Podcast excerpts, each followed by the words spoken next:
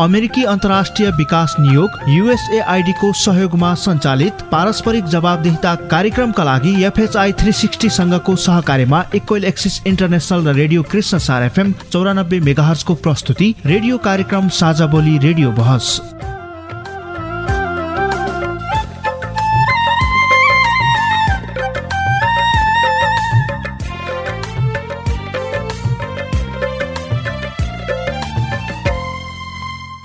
नमस्कार साझा बोली रेडियो बहसमा तपाईँलाई स्वागत छ। म माया अधिकारी। साझा बोली रेडियो बहसमा हामी नागरिक समाज आम सञ्चार माध्यम र सार्वजनिक निकाय बीचको पारस्परिक जवाबदेहिता र आपसी दिगो सम्बन्धका विषयमा बहस गर्छौँ।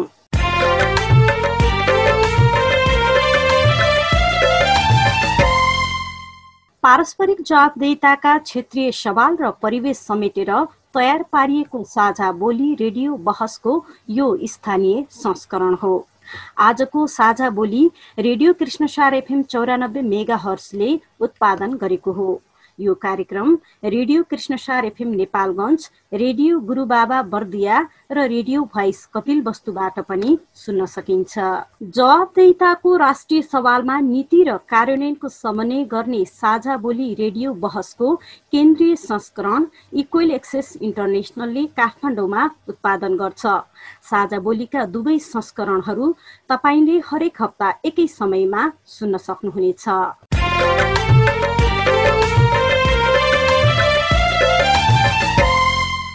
साझा बोली रेडियो बहसको यस सत्रको यो स्थानीय संस्करणको आज दोस्रो भाग हो।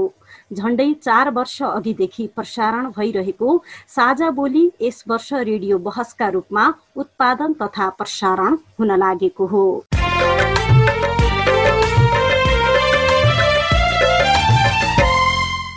साझा बोली रेडियो बहसको आजको भागमा हामी स्थानीय स्तरमा विपद व्यवस्थापनका लागि पूर्व तयारी र प्रतिकार्यमा चुस्त व्यवस्थापन विषयमा बहस गर्दैछौ। मनसुन सुरु भइसकेको छ। यस वर्ष पानी धेरै परिरहेको छ। विपदले सूचना दिएर त आउँदैन उदाहरण स्वरूप मेलम्चीको बाढीले नसोचेको विपद निम्ताएको घटना ताजै छ। यसै गरी कोरोना महामारीसँग हामी लडी नै रहेका छौँ। हरेक वर्ष कुनै न कुनै विपदबाट हामी प्रभावित भएकै छौँ। विपद जोखिम न्यूनीकरण तथा व्यवस्थापन एन दुई हजार चौरात्तरका अनुसार स्थानीय स्तरमा विपद व्यवस्थापन गर्न विपद समिति गठन गरी विभिन्न उपदलहरू पूर्व सूचना प्रणाली खोज तथा उद्धार दल प्राथमिक उपचार दलको गठन गरी उनीहरूलाई क्षमता विकास गराई तयारी अवस्थामै राख्ने र स्थानीय स्तरमै विपद व्यवस्थापनका पूर्व तयारी र प्रतिकार्य चुस्त रूपमा गर्नुपर्ने व्यवस्था गरेको छ। विशेष गरेर पूर्व तयारीका गतिविधिहरू गर्न र तत्पश्चात पालिका स्तरको स्रोत साधनले भ्याएसम्म प्रतिकार्य गर्नको लागि अहिले पालिकालाई अत्यन्त जिम्मेवारी पूर्वक भूमिका गर्नु खेल्नुपर्ने चाहिँ अवस्थामा ऐनले चाहिँ व्यवस्था गरेको छ। त्यस्तै कार्यक्रममा स्थानीय तहमा विपद पूर्व तयारी र प्रतिकार्य विषयमा तपाईँ सिधा प्रश्नको सिधा जवाफ पनि सुन्न सक्नुहुनेछ। नदीको तटीय क्षेत्रबाट कति सीमा परबाट खनियो कसरी खनियो के खनियो भन्ने कुरो स्थानीय तहलाई थाहा हुन्छ कि हुँदैन? राप्ती नदी किनार अथवा राप्ती नदीको बाट उत्खनन हुने नदीजन्य पदार्थलाई उत्खनन गर्न सम्पूर्ण जिम्मेवारी स्थानीय तहहरूले त्यसमा ठेक्कापट्टा लगाउन सक्ने साथै ऐनले व्यवस्था गरे अनुरूप कार्यान्वयन हुन सकेको छ छैन? छैन भने किन र अब कसरी गर्न सकिन्छ त? विशेष गरी विकासलाई विपदसँग जोड्दै विपद पूर्व तयारी र प्रतिकार्यमै हाम्रो छलफल केन्द्रित हुनेछ। यो छलफलबाट हामी केही निचोडमा पनि पुग्नेछौँ। नालामा मिसाउने भन्ने कुराहरू जुन गर्नुभएको छ। त्यो सम्बन्धमा पनि हामी विपद व्यवस्थापन समितिको बैठकमा यी कुराहरू राखेर नगरपालिका मार्फत चाहिँ ती कार्यहरू गर्नको लागि अनुरोध गर्नु साझा बोली रेडियो कार्यक्रम अमेरिकी अन्तर्राष्ट्रिय विकास नियोग युएसएआईडी मार्फत अमेरिकी जनताहरूको सहयोगका कारण सम्भव भएको हो। यस कार्यक्रम भित्रका विषयवस्तु र सामग्री पारस्परिक जवाफदेहिता कार्यक्रमका एकल जिम्मेवारी हुन् र तिनले युएसएआईडी वा अमेरिकी सरकारको विचार प्रतिबिम्बित गर्छन् भन्ने जरुरी छैन। रेडियो कार्यक्रम साझा बोलीमा तपाईँलाई फेरि पनि स्वागत छ। विपद व्यवस्थापनका लागि विपद र विकास पूर्व तयारी र प्रतिकार विषयमा कुराकानीका लागि यतिखेर कार्यक्रममा उपस्थित भइसक्नु भएको छ। बाँकी जिल्ला विपद व्यवस्थापन समितिका अध्यक्ष तथा प्रमुख जिल्ला अधिकारी शिवराम गेलाल यहाँलाई कार्यक्रममा स्वागत छ। र यसै गरी नागरिक समाजका तर्फबाट नेपाल रेड क्रस सोसाइटीका बाँके शाखाका वरिष्ठ अधिकृत दोलक डाङ्गीलाई पनि कार्यक्रममा स्वागत छ। धन्यवाद। र यसै गरी राप्ती सोनारी गाउँपालिकाका विपद व्यवस्थापन फोकल पर्सन जीवन नेउपानेलाई पनि कार्यक्रम साझा बोलीमा स्वागत छ। धन्यवाद नमस्कार। अब हामी विषयमा प्रवेश गर्छौँ। आजको छलफलको विषय हो विपद व्यवस्थापनमा पूर्व तयारी र प्रतिकार्य विपद र विकास। यही विषयमा आजको हाम्रो छलफल केन्द्रित रहनेछ वर्षेनी कुनै न कुनै विपद हुन्छ तर उचित पूर्व तयारी गरिएको हुँदैन। अनि प्रतिकार्य पनि उचित रूपमा हुँदैन। फलस्वरूप धेरै क्षति हुने गर्छ। नीति निर्देशिकाहरू थुप्रै छन् तर कार्यान्वयनको पाटो फितलो छ। स्थानीय तहहरूको ध्यान मुख्य गरी भौतिक संरचना निर्माणमै केन्द्रित भएको देखिन्छ। तर त्यही विकाससँगै हुन सक्ने विपदलाई गौण रूपमा राखिन्छ। क्षति भइसकेपछि पुननिर्माण र पुनर्स्थापनामै धेरै खर्च गरिन्छ। यो सिलसिला चल्दै आएको छ। यो प्रक्रिया कहिलेसम्म?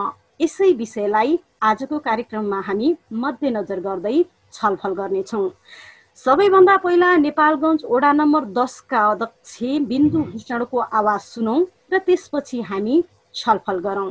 ध्यान दिएर सुन्नुहोला है त म नेपालगञ्ज वडा नम्बर दसको वडा अध्यक्ष बिन्दु भूषण बस्ने हाम्रो यो प्रत्येक दस बर्सातको बेलामा बर्सात भएर जुन डुबान हुन्छ त्यो किनभने एक नम्बरमा हाम्रो यो इन्डियाको बर्डरमा पानी निकास हुने ठाउँमा जहाँबाट पानी नेपालको पानी बगेर उता जान्थ्यो उसपारि जान्थ्यो त्यो ठाउँमा तिनीहरूले सब त्यहाँ मतलब बाँध जस्तो गरेर बाटो बनाएछन् त्यो पानी उतातिर निकासै हुन्न। त्यस कारणले त्यो यताबाट गएको पानी पनि फेरि फर्केर आउँछ र हाम्रो फेरि डुबान हुन्छ।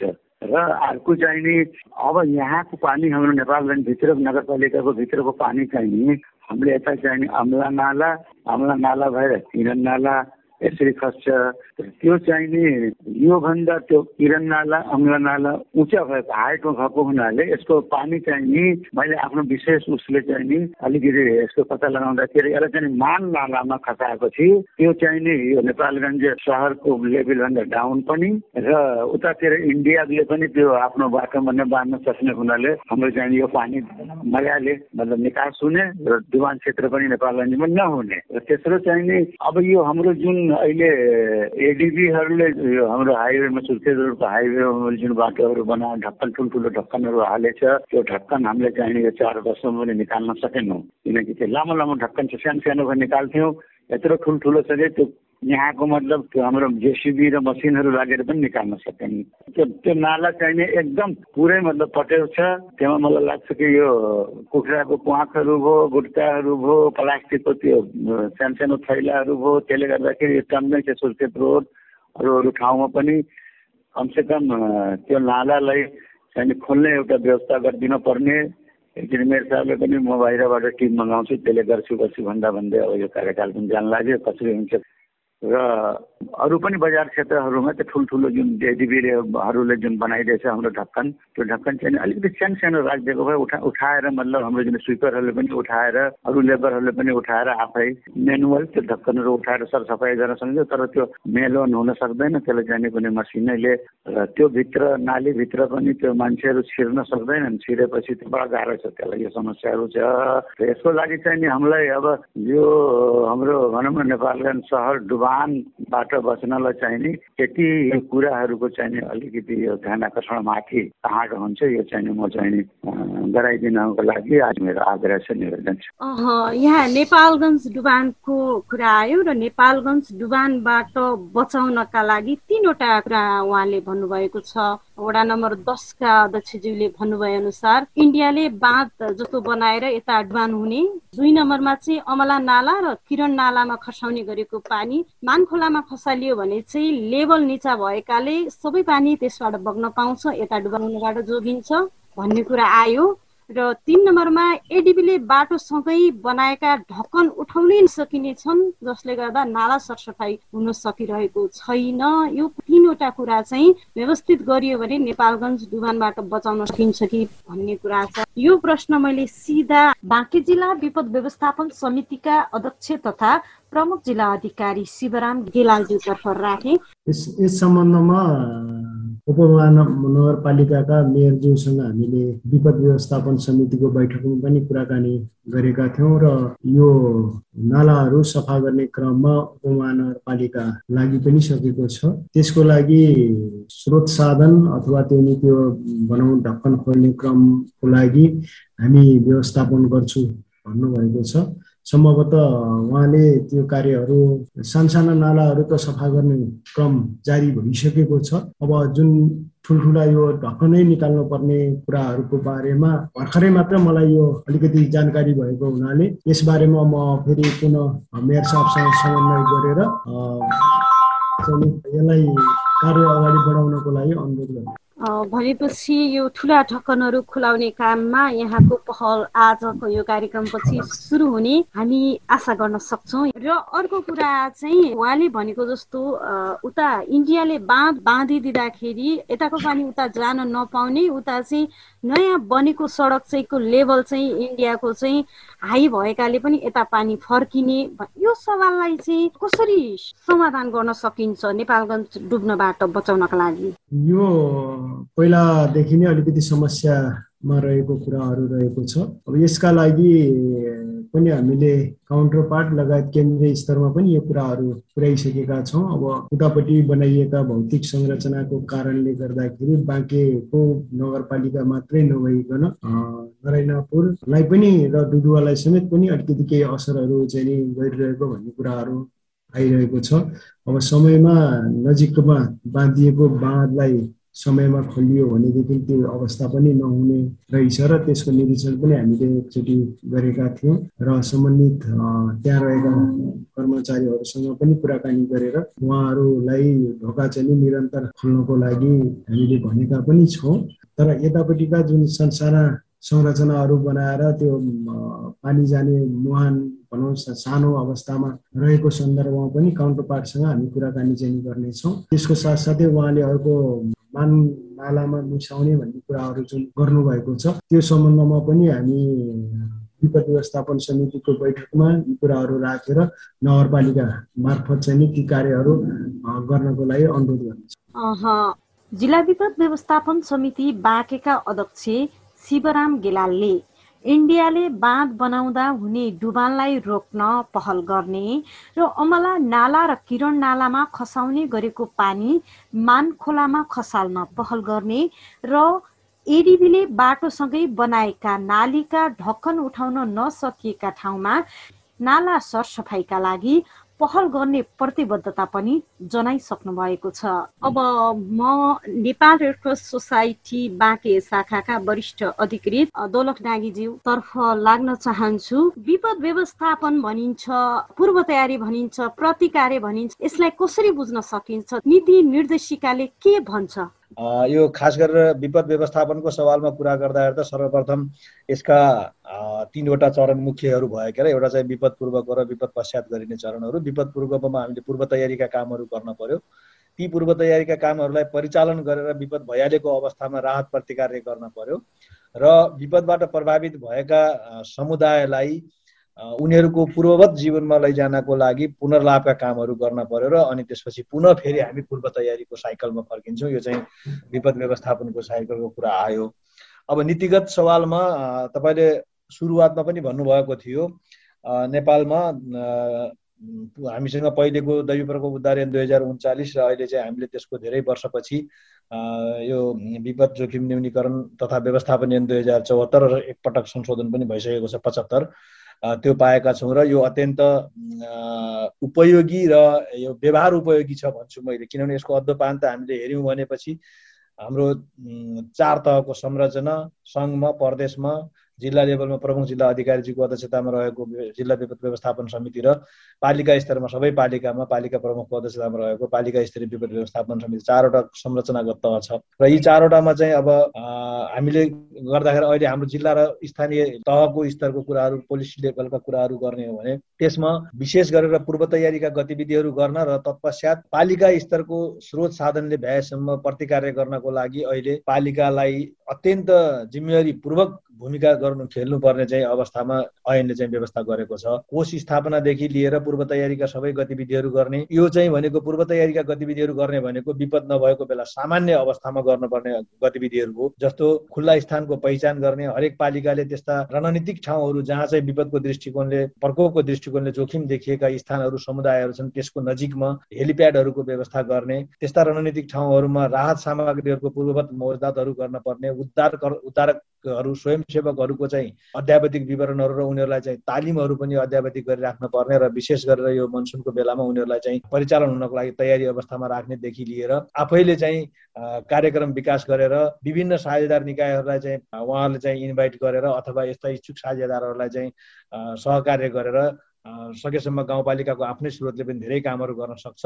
अन्यथा नभएमा अरू साझेदारहरू पनि इच्छुक हुन्छन्। उनीहरूलाई समेत हामीले सहभागी गराएर चाहिँ यस्ता विपद पूर्व तयारीका कामहरू गर्ने र विपद परिहाल्यो भने त्यही पूर्व तयारीका कामहरूलाई परिचालन गरेर प्रतिकार्य गरेर त्यसको अगुवाई पालिकाले गर्ने।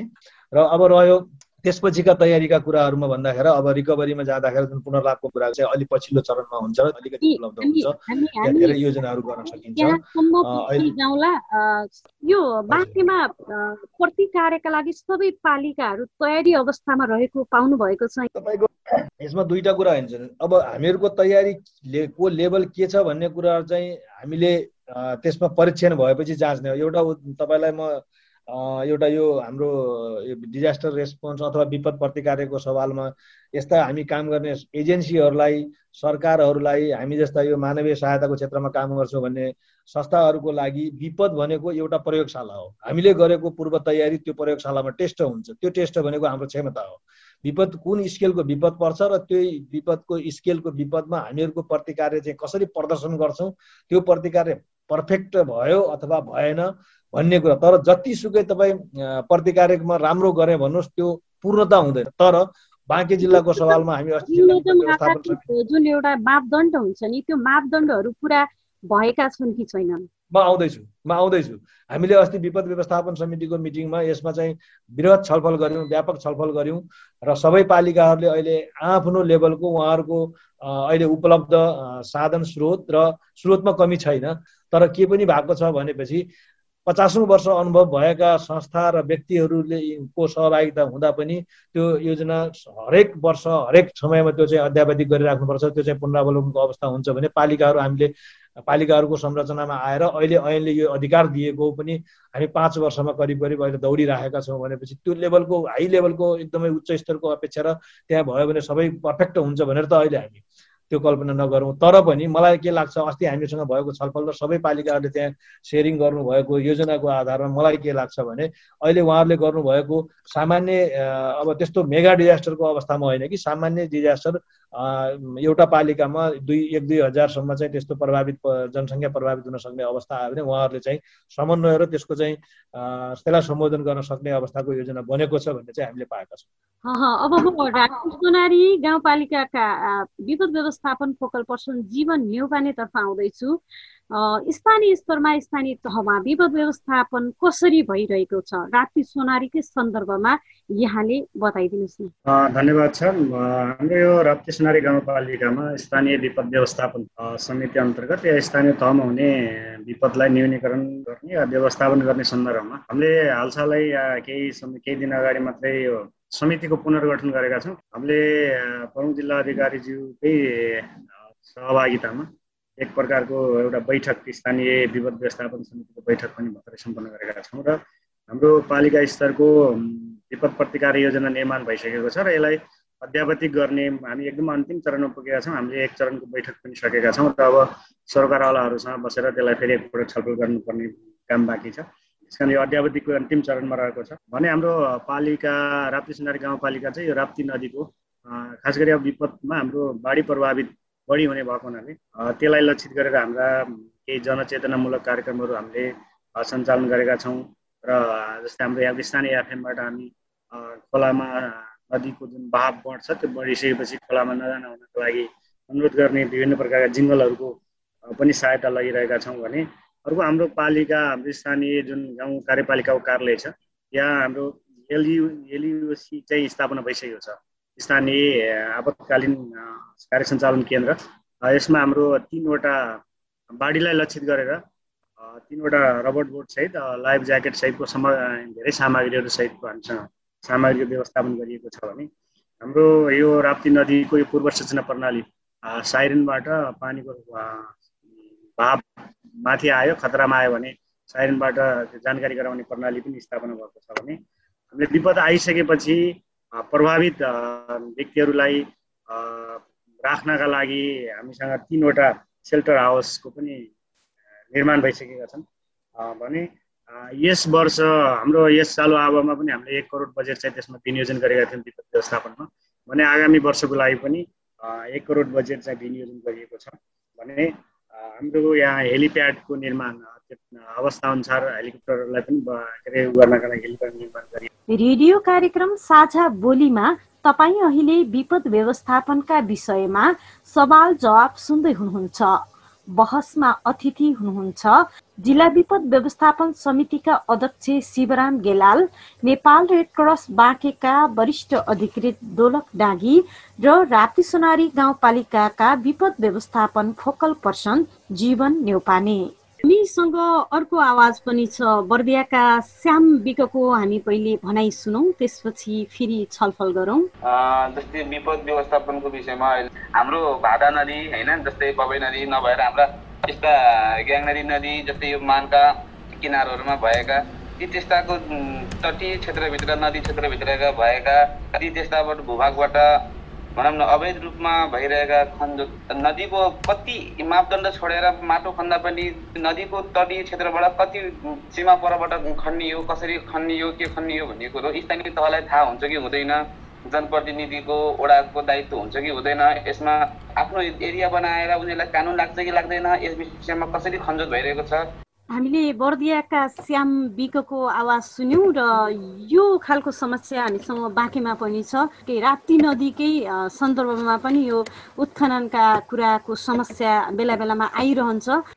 बाँकी जिल्ला विपद व्यवस्थापन समितिका अध्यक्ष तथा प्रमुख जिल्ला अधिकारी गेलालतर्फ यो प्रश्नलाई राखे।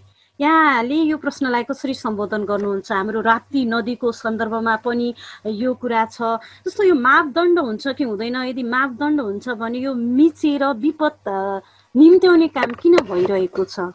राप्ती नदी किनार अथवा राप्ती नदीको बाट उत्खनन हुने नदीजन्य पदार्थलाई खनन गर्न सम्पूर्ण जिम्मेवारी स्थानीय तहहरूले त्यसमा ठेक्कापट्टा लगाउन सक्ने र त्यो उत्खनन नगरेकोमा त्यसबाट त्यो जम्मा हुँदै जाँदाखेरि केही त्यस्ता नदी तटीय क्षेत्रका बस्तीहरूलाई नोक्सान अथवा क्षति पुर्याउन सक्ने स्थिति एकातिर रहेको हुन्छ भने अनि त्यो ठेक्का पट्टा अथवा चाहिँ ठेक्कापट्टा दिइसकेपछि जुन क्वान्टिटी निकाल्नु पर्ने थियो त्यो क्वान्टिटी भन्दा बढी चाहिँ त्यस्ता वस्तुहरू खनन गर्ने कार्यहरू पनि भएर केही समस्याहरू आइरहेको भन्ने कुराहरू पनि आइरहेका छन्। यसतर्फ जुन जुन निकायले ती उत्खनन गर्न स्वीकृत दिएका छन् स्वीकृति दिनुभन्दा अगाडि त्यसको आइ गरिन्छ आइबाट चाहिँ कति परिणाममा त्यस वस्तुहरू निकाल्ने भन्ने कुराहरू रहेको हुन्छ भनेदेखि त्यही परिणाम निकाल्ने भनेर जब ठेक्कापट्टा लगाइन्छ लगाइसकेपछि सम्झौता गरेर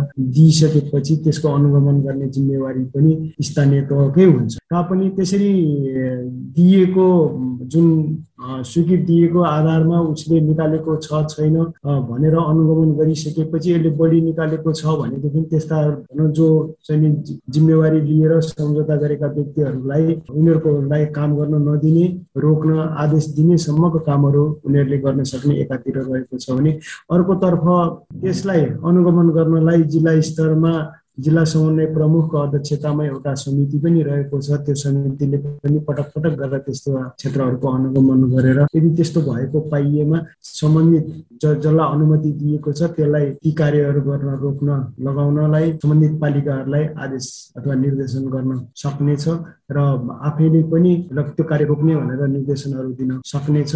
अब यी कुराहरू गर्ने क्रममा राप्ती नदी किनार होस् अथवा मान खोलाका कुराहरू भए यसमा जुन अनुगमन समिति पटक पटक अनुगमनमा गइरहेको पनि छ र त्यहाँ कार्य गर्ने त्यस्ता भनौँ अब ठेक्कापट्टा लिएका ती व्यक्तिहरू अथवा जो ठेकदारहरू हुनु छन् तिनीहरूलाई चाहिँ सचेत गराउने कार्यहरू पनि पटक पटक भइरहेको अवस्था चाहिँ नि छ। यो खालको अनुगमनको काम पनि भइरहने तर फेरि उत्खनन चाहिँ चरम रूपमा पनि बढिरहने। यो नहोस् भन्नका लागि कस्तो रणनीति अपनाउन आवश्यक देख्नु भएको छ? अब यो नदीजन्य पदार्थ उत्खननका लागि हामीले अथवा चाहिँ स्थानीय तहबाट गरिएको जुन कार्य छ जुन चाहिँ आइ गरिएको छ त्यो आइ गरे गरिसकेपछि त्यो क्वान्टिटीभन्दा बढी सम्बन्धित जो जसले सम्झौता गरेको छ ती व्यक्तिहरूको पनि आफ्नो जिम्मेवारी थियो। तर त्यो जिम्मेवारी पुरा नगरिकन उनीहरूले चाहिँ नि प्राकृतिक स्रोत साधनलाई दोहन गर्ने प्रक्रिया प्रक्रियामा गइरहेको अवस्था चाहिँ नि रहेको छ। अब तिनीहरूलाई जुन पहिलो जिम्मेवारी पालिकाहरूको भएको हुनाले पालिकाहरूले नै त्यसलाई रोक्ने काम गर्न सक्यो नियमित अनुगमन गरेर रोक्न सकियो भनेदेखि। अब फेरि म नेपाल रेड क्रस सोसाइटी बाँकेका वरिष्ठ अधिकृत दोलक डाँगीतर्फ आउँछु। विपदका नीति निर्देशिका जुन बनेका छन् जस्तो हामी दुई हजार चौहत्तरकै विपद जोखिम न्यूनीकरण तथा व्यवस्थापन ऐनका बारेमै कुराकानी गर्छौँ। यो कानुन यो नीति निर्देशिका अनुसार चाहिँ व्यावहारिक रूपमा लागू गर्न यो समुदाय स्तरमा पालिका स्तरमा कहाँनिर चुनौती छ? बाँकेको सन्दर्भमा जोडेर बताइदिनुहोस् न। यसलाई चाहिँ मेरो विचारमा यसलाई दुई तरिकाले चाहिँ हामीले चाहिँ यसलाई विश्लेषण गर्नुपर्छ जस्तो लाग्छ। एक त नीतिगत रूपमा हामीहरू एउटा ऐन छ। ऐनले चाहिँ केही निश्चित अधिकारहरू कर्तव्यहरू सबै तहहरूलाई सबै तहका सरकारहरूलाई चाहिँ जवाबदेतापूर्वक कार्यान्वयन गर्नको लागि व्यवस्थापन गरेको छ ऐनमा। त्यो चाहिँ हाम्रो लागि एकदमै राम्रो कुरा हो। जुन चाहिँ यति परिभाषा स्पष्टसँग राखिएको छ जुन ले हामीलाई कहीँ कन्फ्युजन हुनुपर्ने अवस्था छैन। अब रह्यो यो त्यसको कार्यान्वयनको लेभल के छ भन्दाखेरि अब धेरै लामो समय हाम्रो स्थानीय तहहरू चाहिँ एउटा जनप्रतिनिधिमूलक रहेन केही समय ग्याप रह्यो। र त्यो समय सँगसँगै पछि हाम्रो नेपालको संविधान जारी भइसकेपछि यो ऐन पनि आयो। सबै एउटा कानुनी व्यवस्थाहरू चाहिँ हामीले पायौँ। त्यो राम्रो कुरा हो र त्यसको लगत्तै चुनावहरू पनि भयो। दुई हजार चौहत्तर असार चौध गते स्थानीय तहको चुनाव भयो र साउनको सत्ताइस गते एक महिना करिबको अन्तरालमा भनौँ न एक सवा एक महिना डेढ महिनाको अन्तरालमा उहाँहरूले राम्रोसँग शपथ खाएको पर्सिपल्टै भन्नुहोस् एउटा उदाहरणलाई भन्दाखेरि साउनको सत्ताइस गते ठुलो बाढी आयो त्यसमा त्यसबाट बाँके जिल्ला लगायत बाँके बर्दिया धेरै अधिकांश जिल्लाहरू चाहिँ नराम्रोसँग प्रभावित भए करिब करिब तराईका सबै जिल्लाहरू प्रभावित भए र उहाँहरूले त्यो अवस्थामा ऐन त आएको थियो तर उहाँहरूले त्यो ह्यान्डल गर्नै पर्ने बाध्यात्मक अवस्था आइलाग्यो त्यो ऐनलाई कसरी कार्यान्वयन गर्ने त्यसका लागि सहजीकरणको आवश्यकता पर्थ्यो होला संरचनागत पूर्वाधारको खडा गर्ने कुराहरू हुन्थ्यो होला। त्यस्तो मेकानिजमलाई चाहिँ पालिका स्तरमा व्यवस्थापन गर्न पर्ने खाँचो हुन्थ्यो होला। त्यतातिर उहाँहरूले त्यो समय नै पाउनु भएन र त्यो बेलामा उहाँहरूले आएको त्यत्रो बाढीलाई चाहिँ यति चाँडै ह्यान्डल भयो भनौँ न त्यसलाई अब त्यसको प्रभावकारी कतिको भयो त्यो छुट्टै अर्को मूल्याङ्कनको पाटो हुन्छ त्यो अर्को बहसमा हामीहरूले छलफल गर्न सक्छौँ कुन लेभलको प्रभावकारिता रह्यो कुन लेभलको रहेन भने होइन त्यसमा छ। तर अब यसको पूर्णता कहिले हुन्छ त भन्दाखेरि अब यसको कार्यक्रमहरूले हामीले हेर्दा हेर जुन बेला त्यतिखेर यसको चाहिँ एउटा इन्डिकेटर आउँछ जुन बेला चाहिँ हामी रिकभरी समेत एउटा जुन पुनर्लाभ र पुनर्स्थापनाको के अरे चरणमा प्रवेश गरेर त्यो समुदायको जीवनलाई पूर्ववत अवस्थामा अझ अर्को के भन्छ बिल्ड ब्याक बेटर भनेर भन्छौँ। पहिलेको भन्दा राम्रो अवस्थामा पुर्याएर हामीले उहाँहरूलाई त्यो हस्तान्तरण गर्न सकिँदैन त्यो बेलामा चाहिँ साँच्चीकै राम्रो हामीले प्रतिकार्य गर्न सकेका रहेछौँ भनेर भन्न विपद व्यवस्थापनका लागि स्थानीय तहहरूले पर्याप्त बजेट छुट्याइरहेको पाइँदैन। उहाँहरूको एउटा भनाइ के छ भने हामीले अलि धेरै बजेट छुट्यायौँ भने विपदै आएन भने त यो बजेट फ्रिज भएर जान्छ हाम्रो पैसा खेर जान्छ। त्यसैले उहाँले छुट्याउनुहुन्न। एकदमै थोरै छुट्याउनुहुन्छ जब ठुलो विपद आउँछ अनि उहाँहरूसँग पैसा हुँदैन। अनि कहाँबाट कसरी सहयोग गर्ने भनेर उहाँलाई धेरै गाह्रो हुन्छ। नागरिकहरू पिरमर्का त्यो पीडितहरू पीडित भएको भई एकदमै प्रभावित भएको अवस्था हुन्छ अनि अन्य सङ्घ संस्थाहरू एकदम लागि परेको देखिन्छ तर राज्य निरीह भएको जस्तो देखिन्छ। यो स्थायी समस्या यो यो यो समस्याको लागि स्थायी रूपमा समाधान गर्नका लागि यो उहाँहरूको बजेट यो छुट्याउने प्रक्रियामा जुन एउटा कठिनाइ छ यसलाई समाधान गर्नका लागि यहाँले कस्तो सजेसन दिन चाहनुहुन्छ? धन्यवाद। यो चाहिँ अब यसको लागि अलिकति केही नीतिगत कुराहरूलाई चाहिँ म प्रश्न पार्न चाहन्छु। हाम्रो विपद व्यवस्थापन ऐनमा चाहिँ को परिच्छेद नौमा चाहिँ प्रष्टसँग के व्यवस्था गरिएको छ भने विपद व्यवस्थापन सम्बन्धी कोष हरेक पालिकाले राख्नुपर्छ भनेर चाहिँ त्यहाँ क्लियरसँग लेखिएको छ। त्यसमा चाहिँ कहीँ झुक्किनु पर्ने ठाउँ छैन। त्यस कारणले गर्दा अहिले पालिकाहरूसँग मलाई लाग्दैन बजेटको अभाव छ भनेर। बजेट उहाँहरूसँग छ तर त्यसको व्यवस्थापनको सवालमा उहाँहरूले यसलाई विपद व्यवस्थापनकोमा छुट्याउने बजेटलाई पनि विकासको दृष्टिकोणले हेरियो कि भन्ने चाहिँ मेरो मलाई चाहिँ लागिरहेछ है।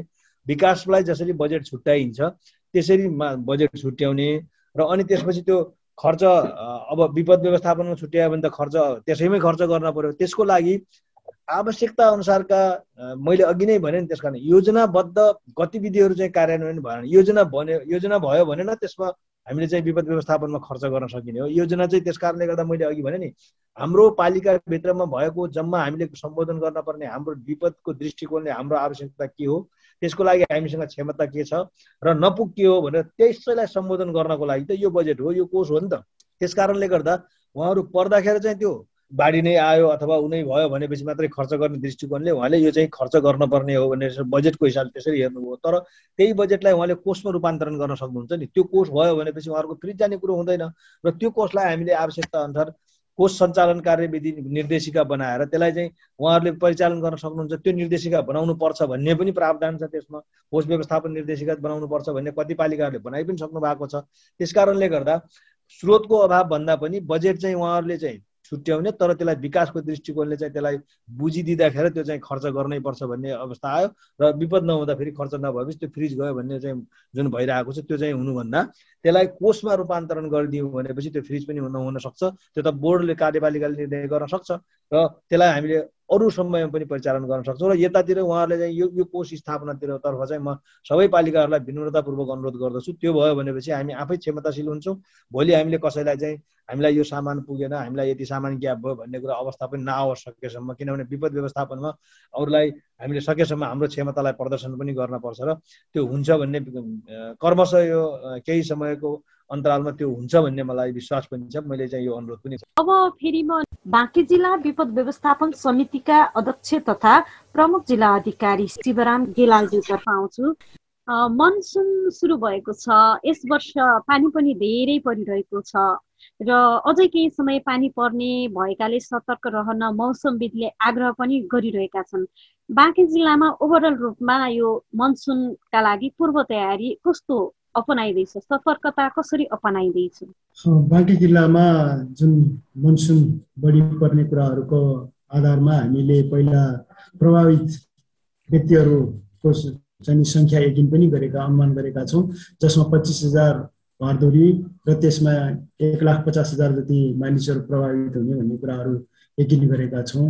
अनि त्यस्तै हामीले डिपिआरपी पनि तयार गरिसकेका छौँ।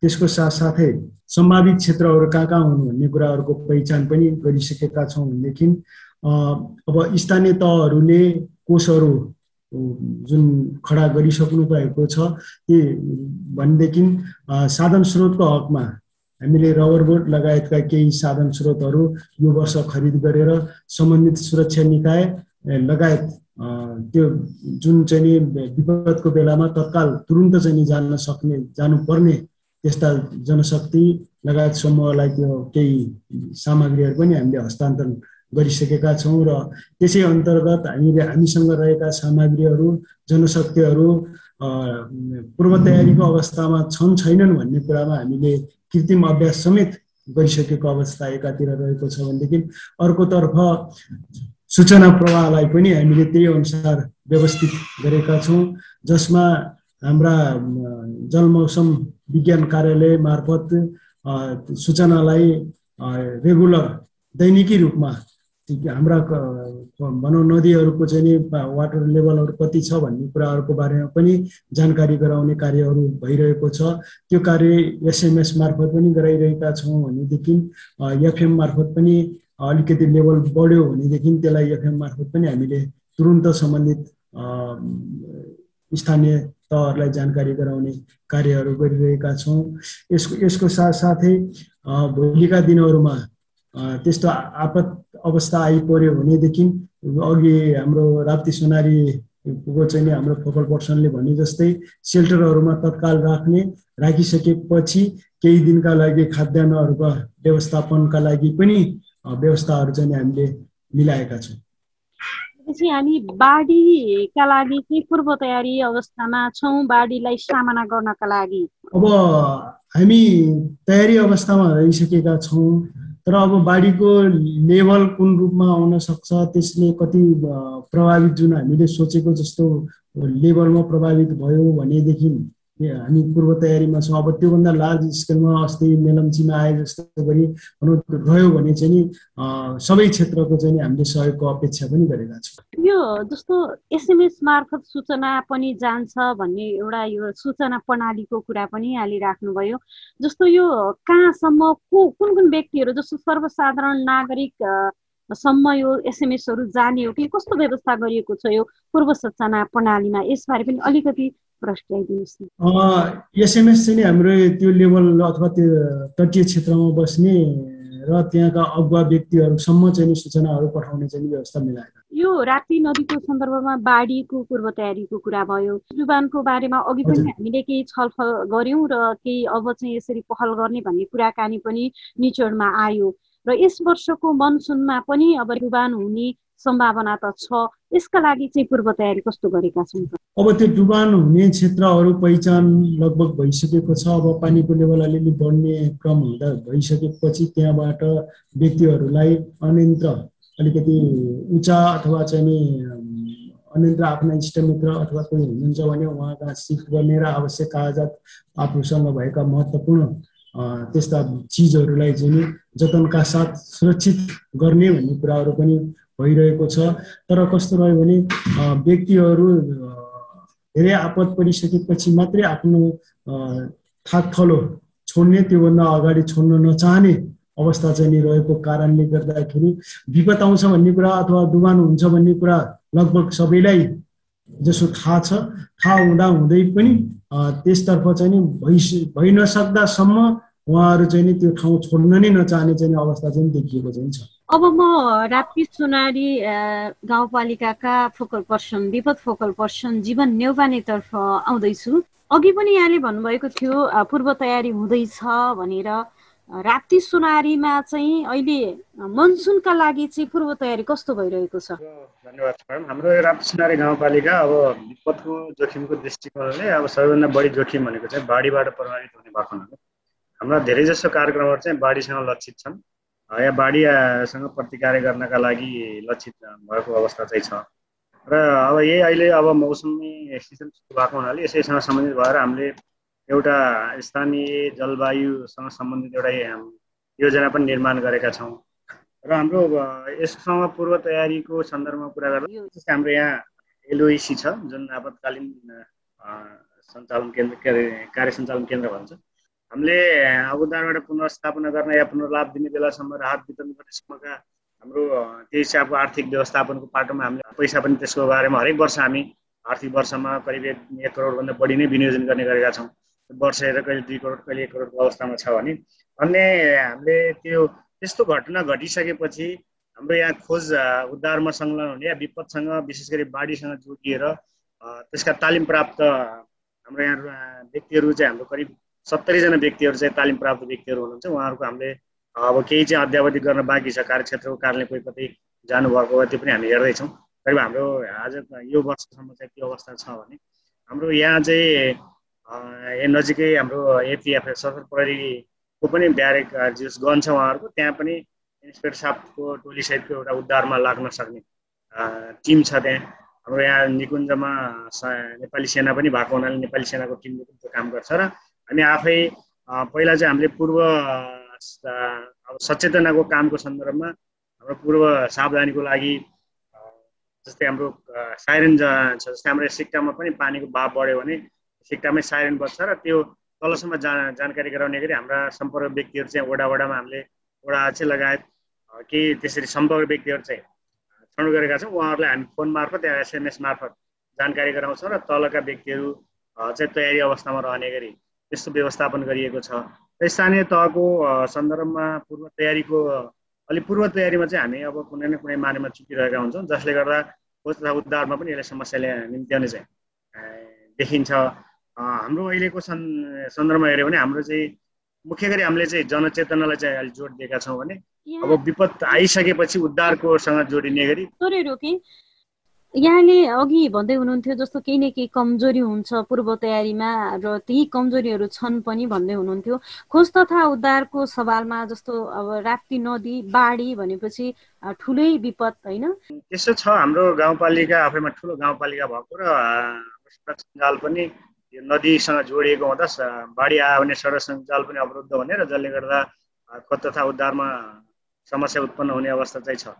त्यसका लागि हाम्रो स्थानीय लेभलमा वडा लेभलमा पनि त्यस्ता व्यक्तिहरू चाहिँ हुनुहुन्छ जो तालिम प्राप्त व्यक्तिहरू उहाँहरूले पनि केही सहयोग गर्न सक्नुहुन्छ। तर हाम्रो केही चाहिँ कस्तो समस्या देखिन्छ भने हरेकलाई चाहिँ आफ्नो सम्पत्तिको माया हुने भएको हुँदा उहाँहरू बाढीबाट एकदमै ठुलै जोखिम हुने भयो भने मात्रै त्यहाँबाट निस्किने होइन। नत्र चाहिँ घरमै बसिराख्ने अवस्थाले गर्दाखेरि चाहिँ खोज तथा उद्धारमा समस्या आएको छ भने सडक सञ्जाल पनि हाम्रो ठ्याक्कै नदीसँग जोडिएकै कारणले गर्दाखेरि त्यहाँ अब सहरी साधन चाहिँ पुर्याउन गाह्रो हुने अवस्थाले गर्दा त्यो एउटा पाटो छ भने हाम्रा धेरै जसो चाहिँ नदी तटीयमा क्षेत्रमा भएको हुँदा एक्कासी एकैछिनमा पनि बाढी चाहिँ गाउँ बस्तीमा पस्न सक्ने अवस्था छ। त्यसले गर्दा खोद उद्धारमा चाहिँ विशेष गरी हाम्रो यता जुन जुन वाल्नो साइड हामी जुन राप्ती भनेर चिन्छौँ यो साइडमा चाहिँ यातायातको सुविधादेखि लिएर सबै सुविधा छ र यदि र सबै निकायहरू यो वाल्नु साइडपट्टि र पाल्नु साइडपट्टि जाँदाखेरि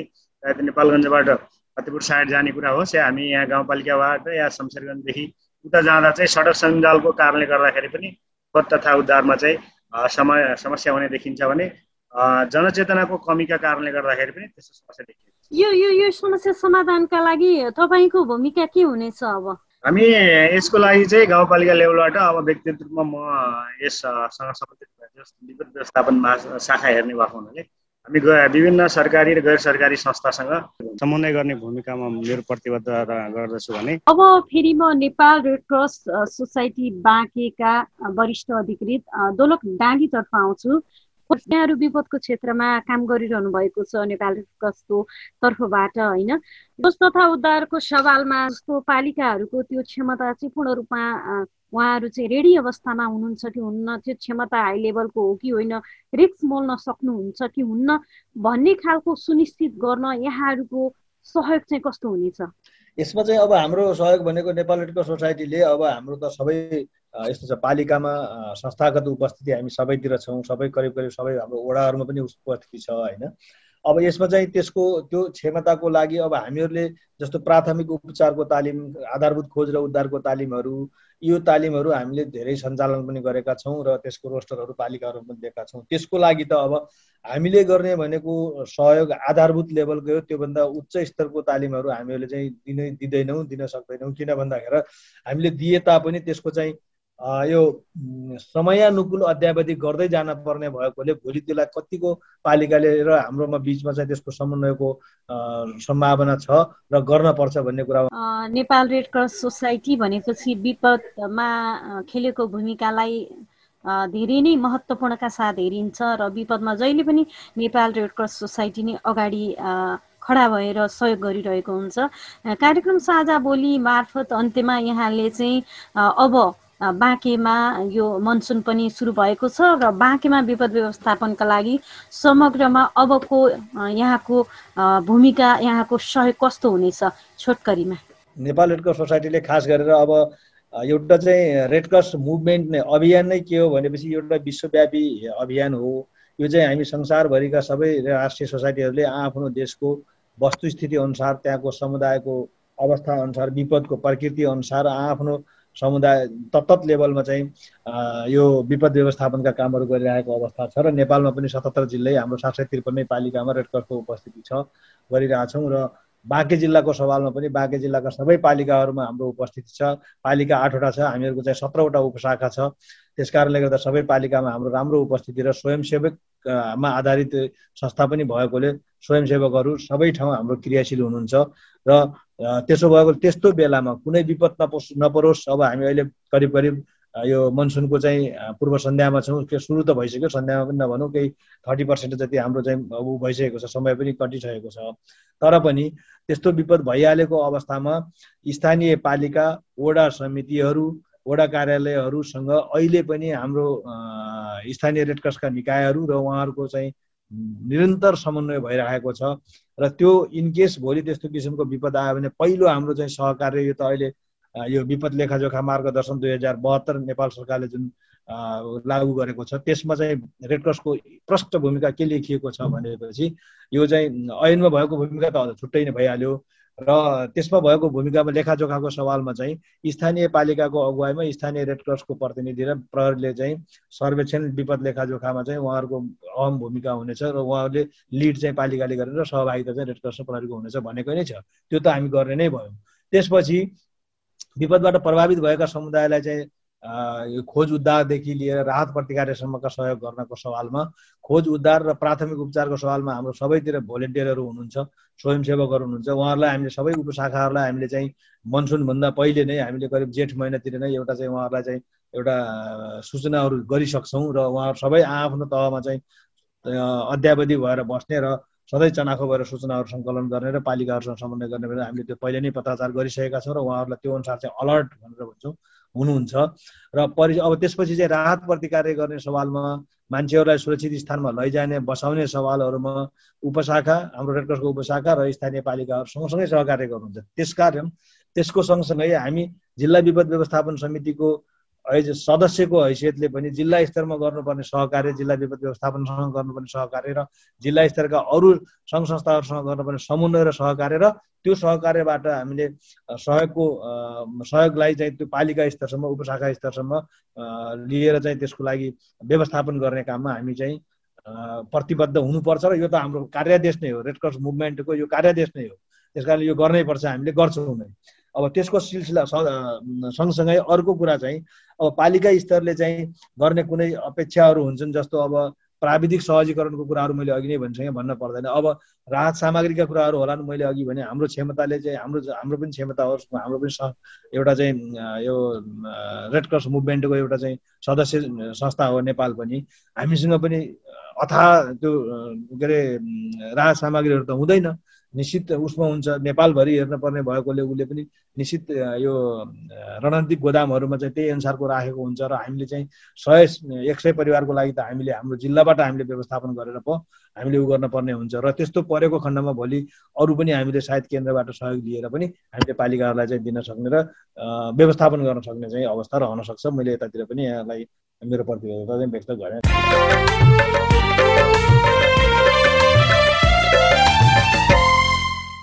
हामी साझा बोली रेडियो बहसको अन्त्यमा आइपुगेका छौँ। साझा बोली रेडियो बहसबारे मनका कुरा भन्नका लागि एनटिसीको मोबाइल वा ल्यान्डलाइन फोन प्रयोग गर्नुहुन्छ भने सोह्र साठी शून्य एक शून्य शून्य चार पाँच नौमा फोन गर्न सक्नुहुनेछ।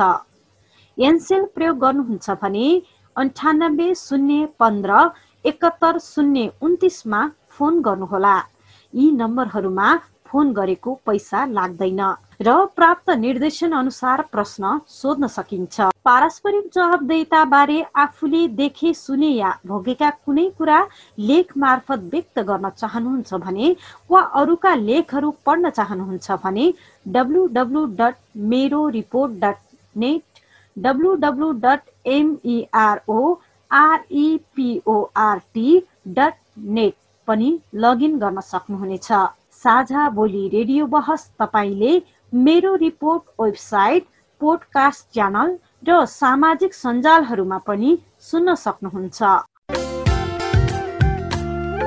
हवस् त आजको साझा बोली रेडियो बहसबाट अब बिदा हुने बेला भयो। आज हामीले विपद व्यवस्थापन विषयमा खरो कुराकानी गर्यौं आज हामीले सम्भावित नेपालगञ्ज डुबानबाट जोगाउन चाल्नुपर्ने कदम राप्तीको बाढीबाट तटीय क्षेत्रका बस्तीमा पूर्व तयारीमा कमी कमजोरी हटाउने राप्ती नदीको चरम उत्खननलाई रोक्न स्थानीय तहलाई जिम्मेवार बनाउने र विभिन्न सङ्घ संस्थासँग समन्वय गर्दै पूर्व तयारीलाई चुस्त पार्ने विषयमा सहमत भयौं। आजका हाम्रा अतिथि बाँके जिल्ला विपद व्यवस्थापन समितिका अध्यक्ष तथा प्रमुख जिल्ला अधिकारी शिवराम गेलालले जिल्ला विपद व्यवस्था भारतले बाँध बनाउँदा हुने डुबानलाई रोक्न अमला नाला र किरण नालामा खसाउने गरेको पानी मान खोलामा खसाल्न र एडिबीले बाटोसँगै बनाएका नालीका ढक्कन उठाउन नसकिएका ठाउँमा नाला सरसफाइका लागि पहल गर्ने प्रतिबद्धता जनाउनु भएको छ। यसै गरी राप्ती सोनारी गाउँपालिकाका विपद व्यवस्थापन फोकल पर्सन जीवन न्यौपानेले मनसुनमा उचित पूर्व तयारीमा खोज तथा उद्धारमा हुन सक्ने कमीलाई पूर्ति गर्न विभिन्न सङ्घ संस्थासँग समन्वय गर्ने प्रतिबद्धता जनाउनु भएको छ भने नेपाल रेड क्रस सोसाइटी बाँकेका वरिष्ठ अधिकृत दोलक डाँगीले माग आएको खण्डमा र समन्वय गरिएको खण्डमा हाल गरिरहेको सहयोगभन्दा पनि थप सहयोग गर्न सकिने प्रतिबद्धता जनाउनु भएको छ। जस्तो उहाँले राहतका लागि तोकिएको सय भन्दा बढी जना समेट्न सकिने तथा खोज तथा उद्धारको हाई लेभलको तालिम पनि दिन सकिने प्रतिबद्धता गर्नुभएको छ। आशा छ यी प्रतिबद्धताहरू पुरा हुनेछन्।